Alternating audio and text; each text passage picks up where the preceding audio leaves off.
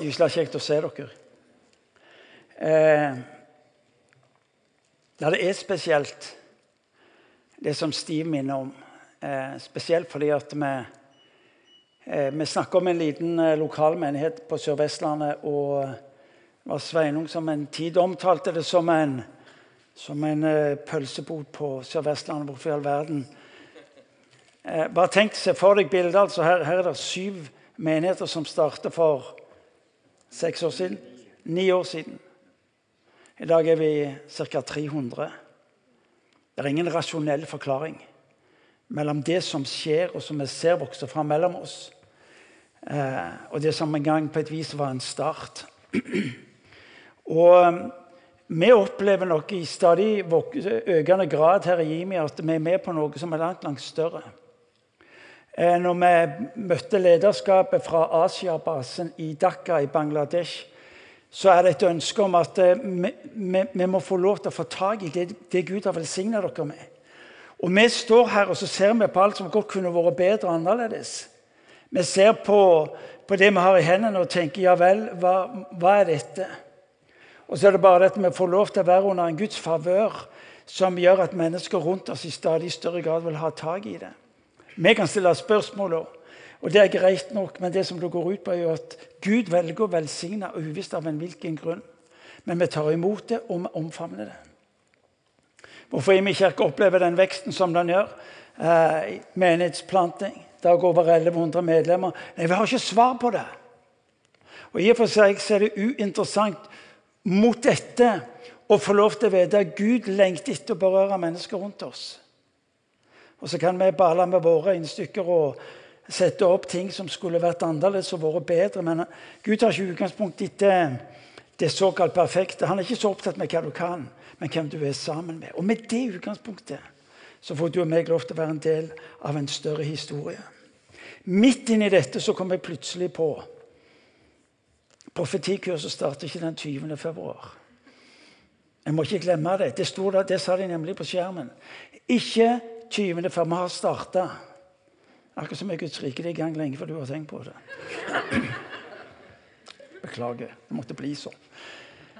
Men profetikurset er av en slik en karakter at det ruller og går hele veien. Det betyr at eh, hvis du opplever at dette vil jeg være en del av, så trenger du ikke vente langt der framme, men det starter i neste uke. Så profetikurset det fortsetter en tirsdag kommende klokka seks til syv. Så velkommen er dere til å være en del av det punktum profetikurs. Men sørg for å komme, for det betyr mye i enkeltmenneskers sitt liv. I min kirke er inne i en ny fase. Litt historikk. Jeg har fått lov til å være i denne menigheten i snart 40 år. Og jeg har, tror jeg, et rimelig offensivt forhold til misjon. Og Det gikk ut på at de som ville ha kollekt, de kunne komme, så skulle de få. Og hvis de ville ha medarbeidere, så var det bare å møte opp, for det var folk, mye folk her som ville være med. Helt sikkert. Men de fikk gjøre det sjøl. Helt til en dag fikk jeg en klar eh, henvendelse fra en som sa Martin, hva i all verden har du tenkt med alt, å gjøre med alt det Gud har gitt deg?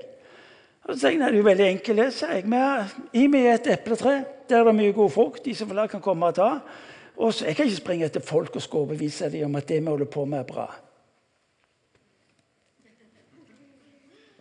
Så sa han det er altfor dumt. Det er altfor dumt. Du er kalt til å videre. Gi videre. Aktivt gi videre til Gud dit deg. Ok, tenkte jeg. Så jeg gikk tilbake igjen til teamet så jeg har fått kjeft. Så vi må finne ut en måte hvordan vi kan gi videre det Gud har gitt oss. Hvis du tenker at det er sånn de store åpenbaringene foregår i Jimmy, så er det omtrent litt sånn. Så vi begynte å gi ut det lille vi hadde. Vi begynte å dele med folk, begynte å fortelle eh, det vi opplevde at Gud hadde lagt på hjertet vårt, og som vi skulle få lov til å gi til andre. For så å oppdage at når vi ga ut, er det noe som skjedde. Det skjer en økning, det skjer en utvikling. Og, og, vår historie er en historie som er slik at det er mer enn dere som klør seg i hodet. på. I all verden som skjer med de folka. Men noe er på gang. Eh, og vi tas inn som menighet i noe som utfordrer oss, og folkens kommer til å utfordre dere. For i min kirke er ikke Martin Cave med følge, holdt jeg nesten på å si. Min kirke er dere. I min kirke er dere, så vet du hva? Vi ønsker å være en del av det Gud gjør i denne tida. Og vi, vi vil ikke ta pause. Det betyr at du vil bli utfordra på tida, du vil bli utfordra på pengene. Du vil bli utfordra på engasjement. Fordi at du og meg utfordres på noe som dypest sett og enkelt og klart ikke tar utgangspunkt i hva som skjer i dette huset, men som skjer i Guds hjerte. Derfor Missio Dei. Missio Dei betyr Guds aksjon, Guds misjon. Og Den største tragedien vi har gjort, og som Martin Kev gjorde mange år, det var at han gikk rundt og trodde at misjonen var noe som hadde med han å gjøre. Og så var det noe som hadde med Gud å gjøre.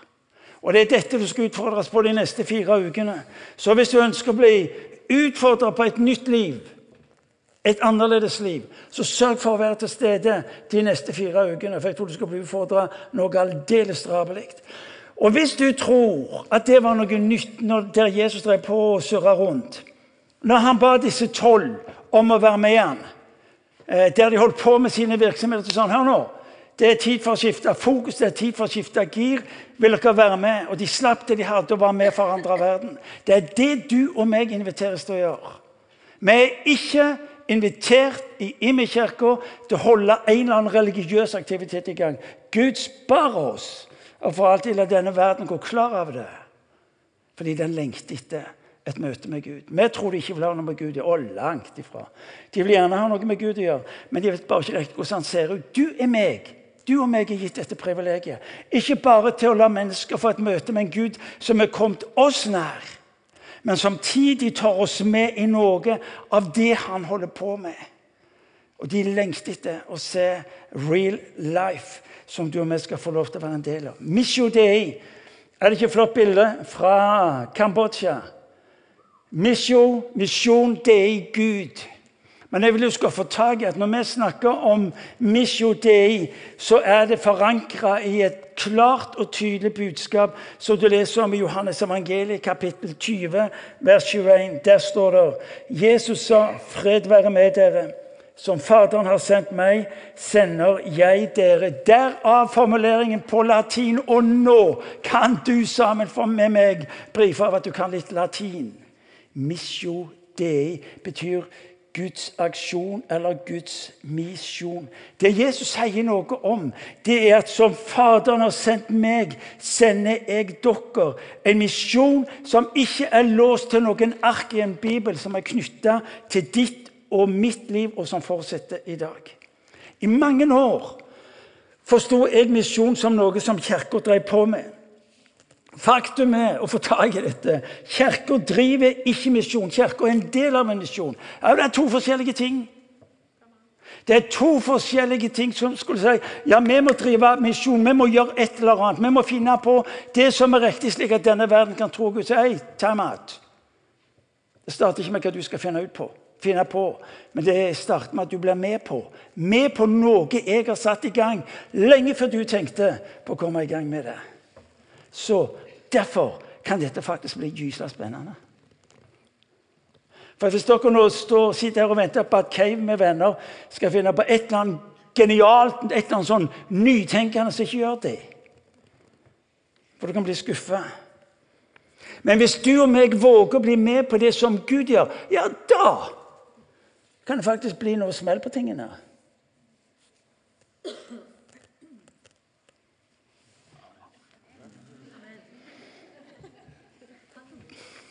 Vi tilber en misjonerende Gud. En far som sender en sønn, en sønn som sender Guds ånd, og Guds ånd som sender deg og meg ut for å bety denne forskjellen i denne verden. Tror du virkelig, om du og vi klarer å, å, og putte alt det vi makter av religiøst et eller annet, at vi er i stand til å overbevise denne verden om at Gud er god? Nei. Men hvis han dukker opp og begynner å manifestere seg og demonstrere hvem han er, ja, da kan faktisk litt av hvert skje. Sammen sender treenigheten deg og meg for å representere Kristus i denne verden overalt hvor vi vandrer. Og det tar oss inn i hensikt med Kirka. Som mennesker hør nå, det gjelder oss alle. Vi blir gysla fort selvsentrerte eller oss-sentrerte. Også i vår forståelse av Kirken. Det handler gysla mye om oss. Ofte så snakker vi og oppfører vi oss som kirka er til for oss, basert på våre ønsker og våre behov. Så innebærer det at det blir primært en kirke som går på å tjene egne medlemmer. Og så blir misjonsengasjementet for de helt spesielt interesserte. Ja, Flott med Terje. Terje Høiland. Han har en brann for. Ja, ja, han tar seg av det. Ja, Da har Terje Høiland misforstått.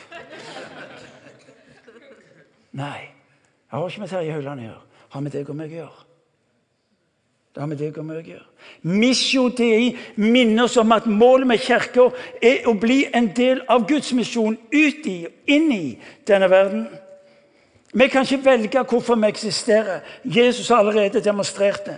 Vi er født og frelst for å være med på det som Gud er opptatt med, nemlig å gjenopprette det som er ødelagt. Takk Gode Gud, at jeg skal slippe å konstruere ditt svar på det som er denne verdens behov. Og du skal slippe å gjøre det samme. Derfor døde Jesus. Derfor oppsto han. Ikke for at du skulle bruke alt på deg sjøl. Så er vi da utsendinger, står det i 2. brev til Korinterne kapittel 5. Så er vi da utsendinger for Kristus, og det er Gud selv som formaner oss gjennom, som formaner gjennom oss. Sagt på en annen måte, Misjo Dei minner oss på at det ikke er Kirka som har et oppdrag, men at det er misjonen som har ei kirke. Kirka er en del av en Guds bevegelse. Kirka er ikke kalt til å drive misjon. Kirka er kalt til å være en del av en misjon. Ja, men folkens, Det blir totalt forskjellige måter å leve på. Hvor den første utgaven er at jeg driver på med mitt og skal klare livet. og jeg eh, utfordres på livet, og så blir det sånn at Gud hva, hva det, Du må velsigne det jeg holder på med, og så, og så, skal jeg dra Gud inn i det jeg holder på med. Så han sier hei, time out. Hør nå. Hvis jeg sier til deg, Martin, at jeg vil la mitt nærvær gå foran deg, ja, da er du med på det jeg holder på med, og ikke motsatt. Jeg kan gjerne fortsette å være med å plukke opp restene og alle dine nederlag, men det er ikke slik jeg hadde tenkt det. Og jeg er gammel nok til å vite hva livet kan gjøre med oss. Forskjellen på å skulle få lov til å ha sitt utgangspunkt i hvem han er, er totalt annerledes enn at jeg skal drive og surre for meg sjøl, og så skal han komme og velsigne og rydde opp i det jeg klarer å ordne opp i. Eller ikke ordne opp i. Det er jo Misjo DI, folkens. Få tak i dette. For det er så viktig. Så hva er Missio DI? Det er Guds konstante fokus på å berøre mennesker med sin kjærlighet. Konstante fokus på å skulle berøre mennesker med sin kjærlighet. Hvor han nettopp demonstrerer sitt hjerte.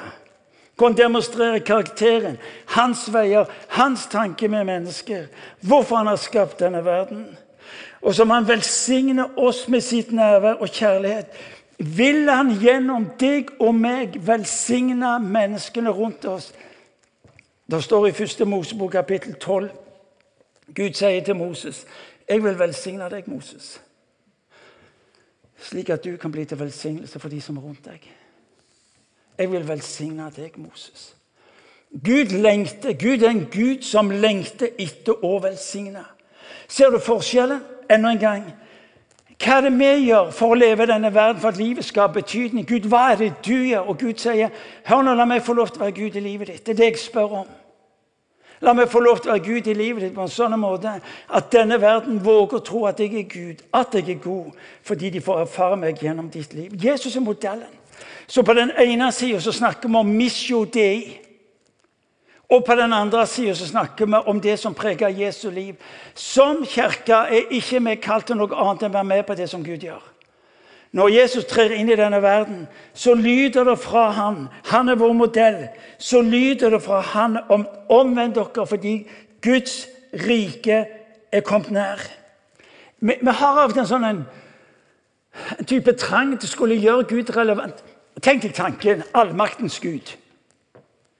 Og så skulle Keiv med venner eh, ha som mål å gjøre allmaktens Gud relevant. Det er mildt sagt på trynet. Trenger han virkelig min hjelp for å gjøre han relevant? La meg si det sånn. Svaret er nei.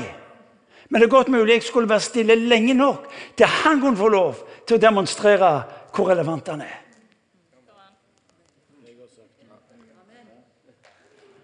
Ja, antydningsvis klappen. Ja, det er Jeg skal ikke overdrive, jeg er enig i det.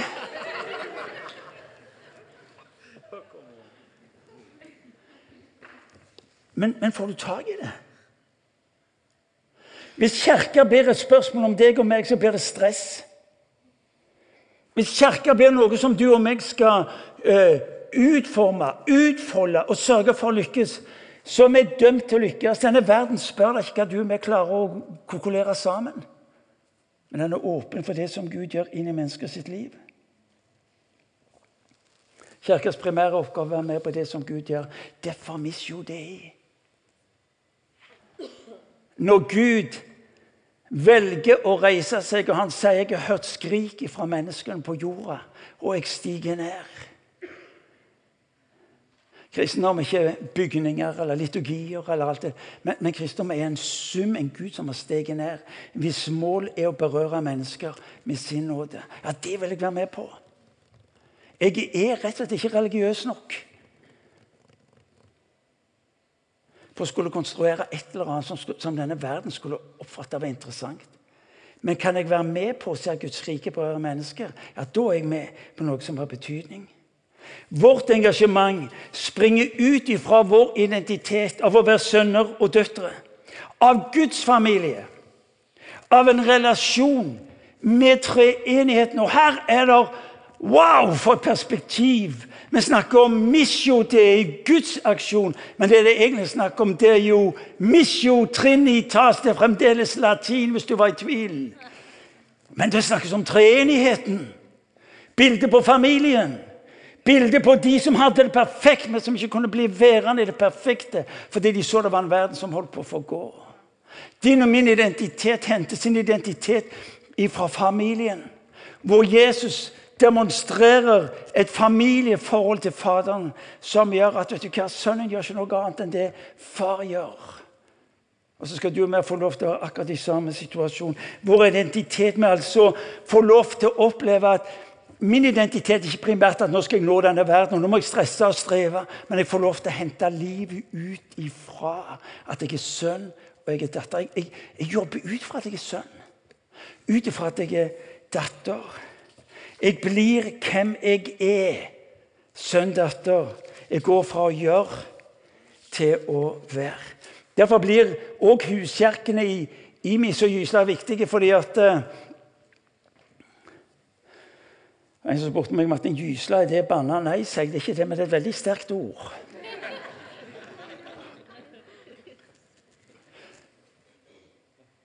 Huskjerkene blir viktige fordi det er et sted hvor vi får lov nettopp til å være ikke menighet, ikke et religiøst system, men får lov til å være mennesker som kommer sammen fordi vi ønsker nettopp å være familie for hverandre og for denne verden. Hvor vi får lov til, enten vi er gifte eller single, eller barn eller ikke barn, så er vi sammen i huskirkene nettopp fordi at vi hjelper hverandre til å få øye på hvem Gud har kalt oss til å være. Til å berøre denne verden. Missio Dei Guds misjon, Guds aksjon. Missio trinitas betyr altså familiemisjon. Guds familievisjon.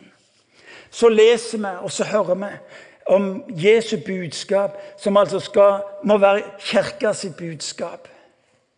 Når Gud handler inn i denne verden, hvordan ser det ut? Og Den beste demonstratøren på det er jo nettopp Jesus. Det er jo han som gir oss modellen. Det er han som på et vis synliggjør hvem han vil være inni denne verden. Og så lyder det fra når Guds rike er kommet nær. Og La oss gjenta noe vi sa litt tidligere fra Markus' evangeliet. Jesus forkynte Guds evangelium og sa tiden er inne. Guds rike har kommet nær. Vend om og tro på evangeliet. Få tak i det jeg nå sier. Jesu glade budskap er evangeliet om riket nemlig at Guds rike er kommet nær. Guds rike er alt det Jesus representerer. Alt det himmelen representerer. Men i det øyeblikket Guds rike kommer inn i denne verden, så utfordrer det mørkets rike. Satans rike. Fattigdommen, urettferdigheten, død, sykdom, krig. I det øyeblikket hvor Guds rike synliggjøres i denne verden, så utfordres mørkets rike. Hva er Guds rike? Guds rike er motsatsen av det mørkets rike representerer. Døperen Johannes, slektning av Jesus, blir i tvil om det meste fordi han sitter i fengsel. og Så spør han er du den som skal komme, eller skal vi vente på en annen. Og Så sier Jesus til Johannes gjennom disiplene hans.: Gå og fortell Johannes hva dere har sett og hørt. Blinde ser, lamme går, spedalske renses, døve hører, døde står opp, og evangeliet forkynnes for de fattige. Hvilket evangelium? Evangeliet om rike Jesus var ennå ikke død på korset. Men med Jesus død på korset så utvides Guds rike forståelsen til å omfatte frelsen.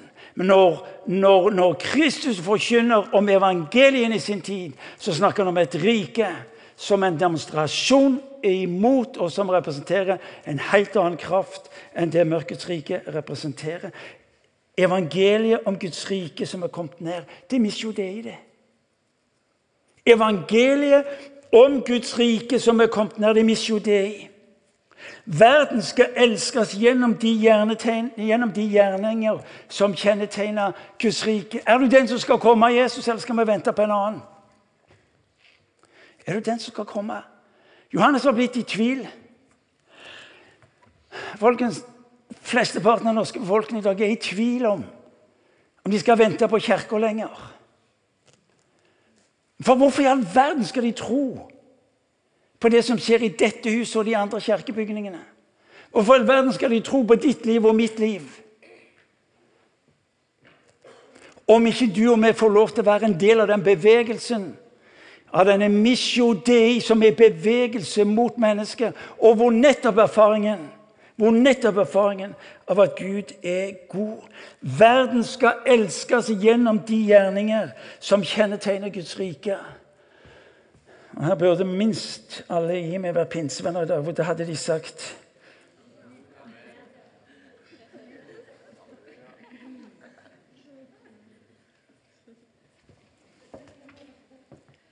Har dere hørt meg si det mange ganger? Men det er jo dette Jesus er så oppmerksom på hvem han er en del av. Hvilken bevegelse han er en del av. Så når han skal gjøre valg, når han skal handle, så, spørsmål, så, så sier han Johannes 5, jeg gjør ingenting annet jeg, enn det jeg ser far gjør. Skal du og meg bli en del av Misjo Dei, som bryter grenser mellom mennesker gjennom samfunn, land og videre utover, så er vi i samme situasjon hvor Jesus, Jesus, Jesus spør far, far, hva gjør du nå? Hva gjør du nå som har betydning for denne, for denne verden? Og så tas vi inn i Kjære Gud, for forskjell å være med på det Gud gjør, enn det vi klarer å koke sammen. Skal jeg telle dere noe? Jeg lengter til å bli mer en del av det der enn noen gang før. Fordi jeg tror jeg har bare smakt noe av det i ytterkanten av hva Gud ønsker vi skal være en del av. Gud har ikke bedt deg om å være kreativ eller original, men ta imot. Vær mottaker, slik at du kan bli det Gud vil du skal være. Og det Jesus gjorde. Sønnen gjør ikke noe annet enn å ta imot. Og Hvis han gjør det, da kan jeg òg gjøre det.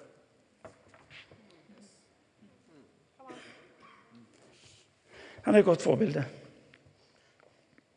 Missio dei betyr at det må gjennomsyre alt en menighet holder på med. Det må gjennomsyre livet mitt.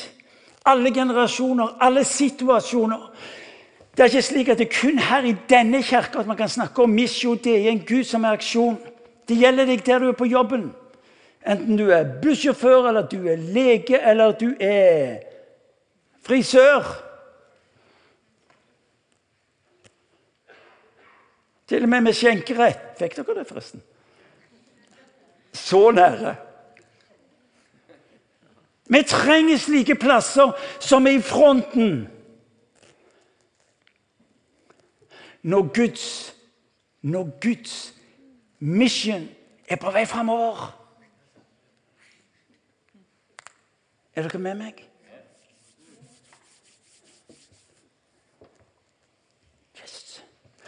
Når Trond Vigesdal skjønner at jeg må la guttungene mine får smake på det som skjer i Guds rike, så tar han guttungene med seg til Kambodsja på aksjonen som er i februar. for han sier at jeg er opptatt med de skal få gjøre erfaringer med Gud, se hva Gud gjør.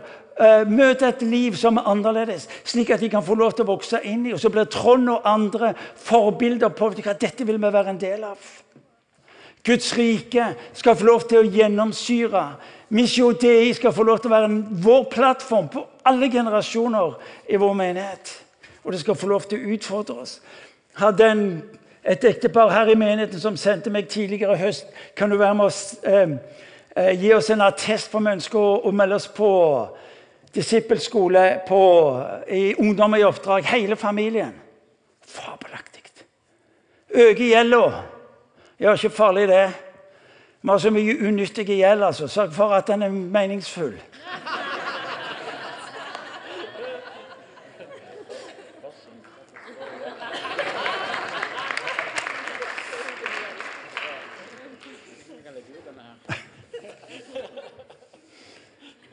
Er dere med? Altså Å se Guds rike gjennomsyre Hør, hør folkens. Vi må løfte blikket vårt utover våre behov til å se som Gud. Så det er det vi inviteres ned. Når, når, Jesus sier 'jeg som Faderen har sendt meg, sender jeg dere', så sier han her nå Begynn å se som jeg ser, handle som jeg handler. For å være en del av det jeg gjør i denne verden, da lykkes du ikke bare med å bety en forskjell, men du lykkes med ditt eget liv.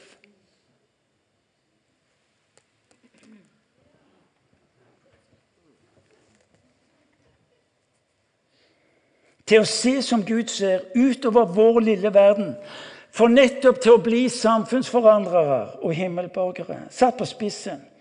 Menigheten er ikke for deg. Menigheten er for de som ennå ikke har hørt og tatt imot Jesus.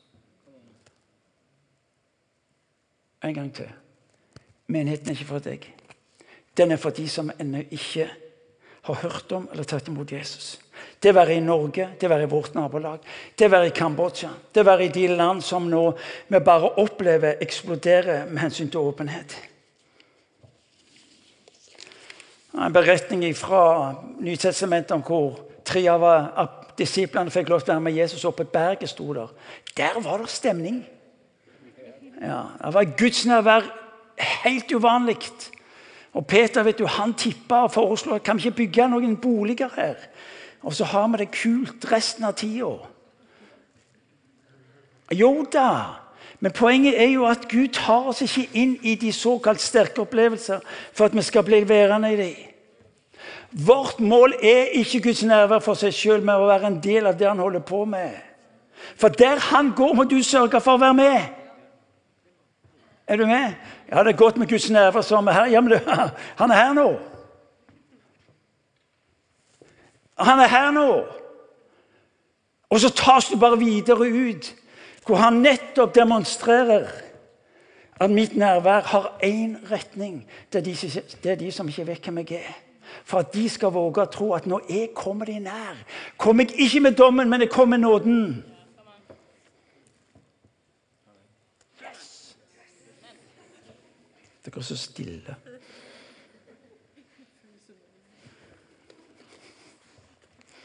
Esekiel kapittel 47. Jeg har jo bare holdt på en halv time. Det er jo ingenting. Videoen på disse opptakene er 60 minutter, så jeg har fremdeles god tid på til orientering. Jeg skal ikke gjøre det. Men det er ikke langt ifra.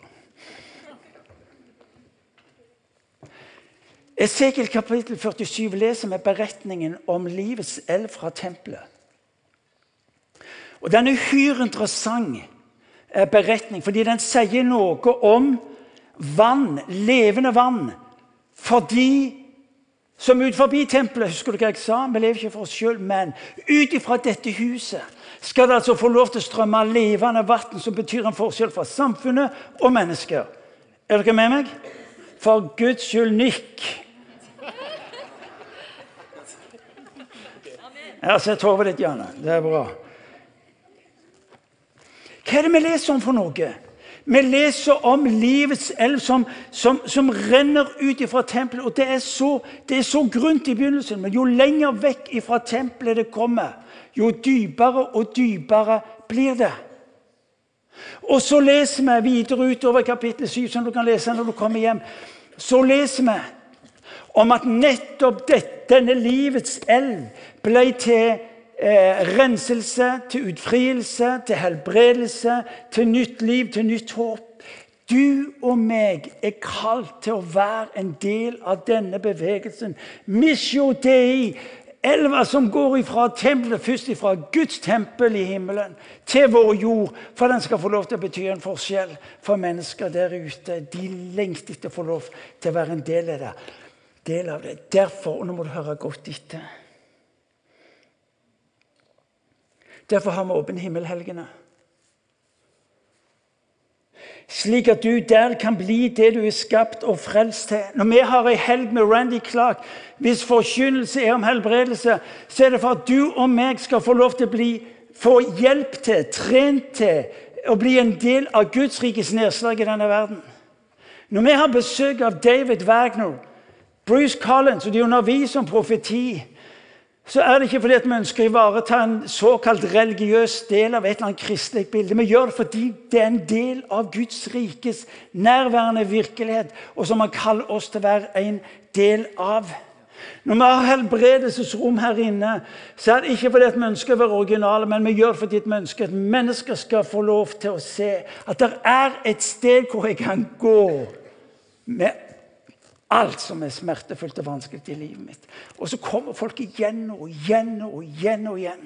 Og der står det medarbeidere som lørdag etter lørdag er med på å bety denne forskjellen. Har profetikurs. Hvorfor i all verden? Jeg sa, Hva i all verden driver på med dette profetikursen? Jo, fordi Jesus gjorde det. Har du ingen bedre begrunnelse enn det? Nei. Hvis han gjorde det, så kan jo jeg òg gjøre det. Ikke verre enn det. Hvis du hadde visst om alle de menneskene jeg har truffet, hva det profetiske har betydd i mitt eget liv Jeg satt sammen med noen gode venner i, i går kveld. Og for en aldeles meningsløs setning. Den var meningsløs, ikke sant vel? Ja. Hun har sagt jeg kan få lov til å si det. Så skal jeg slippe å få adressen på dama. Men jeg hadde en god venn i den cellegruppa som jeg hadde. Og Jeg visste ikke hva som var situasjonen, men situasjonen var at hun var ikke uten videre begeistra for Cave eller for Imi. Og så får jeg et ord inn i livet til vedkommende. Et ord som egentlig er så meningsløst at det gir ingen mening. Bortsett fra hun som det gjelder. Og så blir altså dette enkle, profetiske budskapet inn i den damas liv det som forvandler livet hennes i henhold til henne sjøl. Vet du hva? Jeg har hørt så mange mennesker som forteller om hvordan det profetiske fikk bety både støtten, trøsten, at jeg vågte livet, håpet. Og så Fordi folk ikke makter å få dette på plass, så begynner de å nedvurdere det. Derfor har vi profetikurset. Profetiskolen som har, helbredelsesskolen. Vet du hva? Det er mange som ler av oss. Vi gjør ikke farlig det. Folk får hjelp. Folk får nytt mot på livet. Folk erfarer at Gud gjør noe inn i livene deres. Eh, Imi kirka sitt eh, styre vedtok før jul å opprette to doktorgradsprogram. Vi har egentlig ikke penger til det, men vi tror vi trenger det nettopp for å synliggjøre viktigheten, betydningen av det profetiske og se Guds rike synliggjort også når det gjelder helbredelse. To doktorgradsprogram. Et tett samarbeid med Misjonshøgskolen. Nei, vi setter det nå. Og De er til og med begeistra for det vi holder på med. De er nok litt sikkert sånn spørrende på hvorfor vi velger akkurat det, men, men det er greit. Det lever vi vel med. Så Hanne Therese Loftesnes eh, hun begynner med doktorgradsprogrammet i allerede begynt og skal levere en prosjektoppgave i løpet av våren. Hun skal ha fokus på helbredelse. Bjørn Wang skal ha eh, profeti som hovedfokus når det gjelder doktorgradsprogrammet. Det koster mye penger. Klart det gjør det. Så du skal bli utfordra. I don't know. Vi får se. Men hør, hør nå. Hvorfor gjør vi det? Jo, fordi vi tror at når Guds rike ble synliggjort på den måten som Jesus lot det skje, så er det det som skal skje i vår tid òg.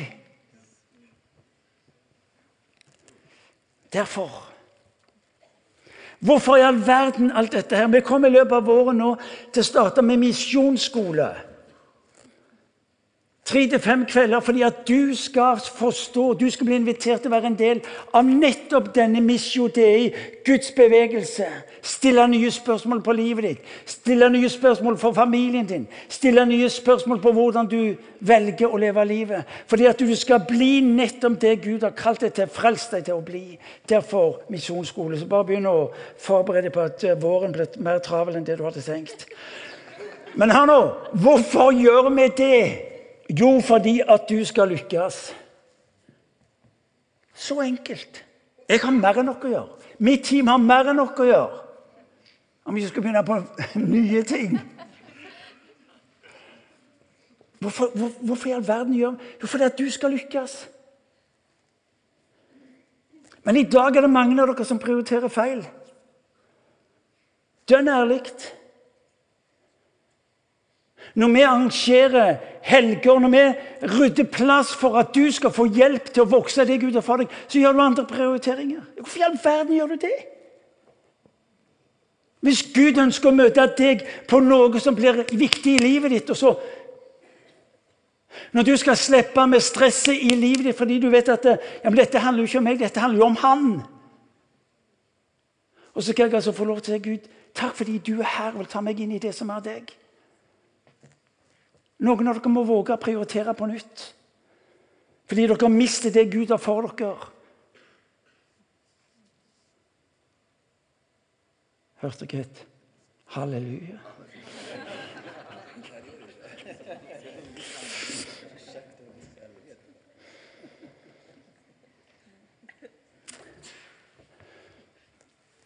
Du, du må få tak i dette her.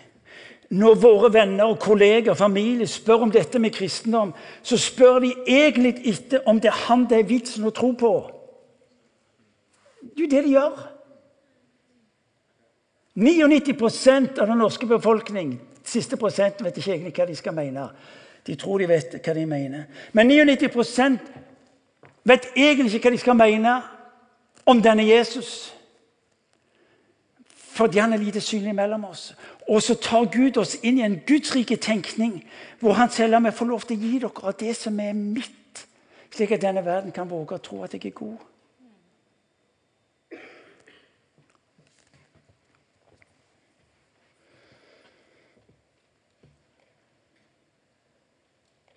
Jeg skal slutte.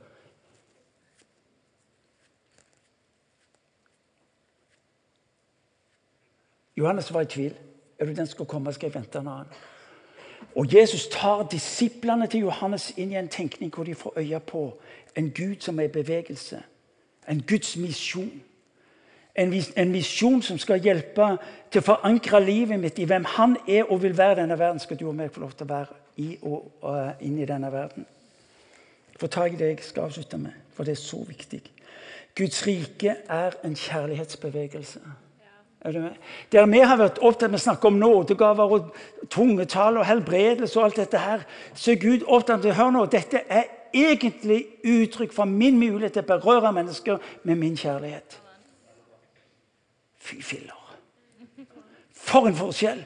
Som at folk skal gå rundt og være redd for at vi skal dytte på dem en hel masse med religiøse ting, så er det som Guds rike representerer, som Johannes var kommet i tvil på, skal få lov til å være din og min mulighet til å berøre mennesker.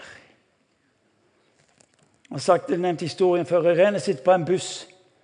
Kunne komme inn på en buss, og der ramler hun ned på et sete ved siden av mor til eh, jente som eh, går på samme skole som, som vår, ei av våre jenter.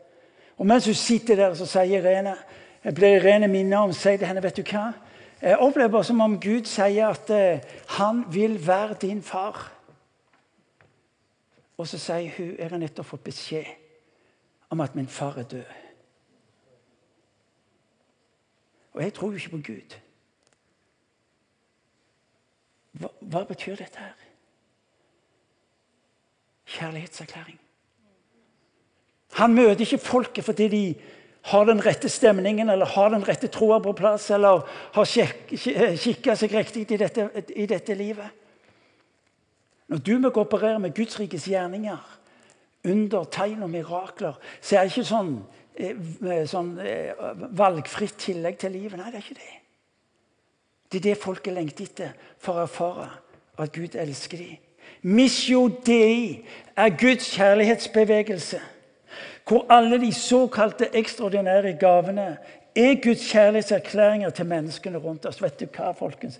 Derfor har vi ikke lov til å holde oss tilbake når vi inviterer dere til vet du hva? La Gud få lov til å berøre livet ditt, slik at du kan berøre menneskene rundt deg. La Gud få lov til å velsigne livet ditt, slik at du kan bli til velsignelse for de som er rundt deg. La Gud få lov til å gi deg inn i livet, løse ut inn i livet ditt det han har dødt på korset, for at du skal få helt gratis, og du skal få lov til å leve i og leve ut på en sånn måte at mennesker våger å tro at Gud er god.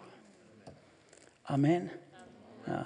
Hvis du antyder at jeg har en type engasjement på, så er det helt riktig. Men jeg kan ikke tenke meg noe mer meningsfullt enn å få være med på det som Gud gjør. For jeg har nådd til det jeg makter å gjøre for lenge siden. Og som jeg sa, Gud spar de folka for alt jeg kan klare å skape, til å la dem få erfare at jeg er med på noe som er langt større enn det folk i min kirke er i stand til å konstruere. Da blir det meningsfullt.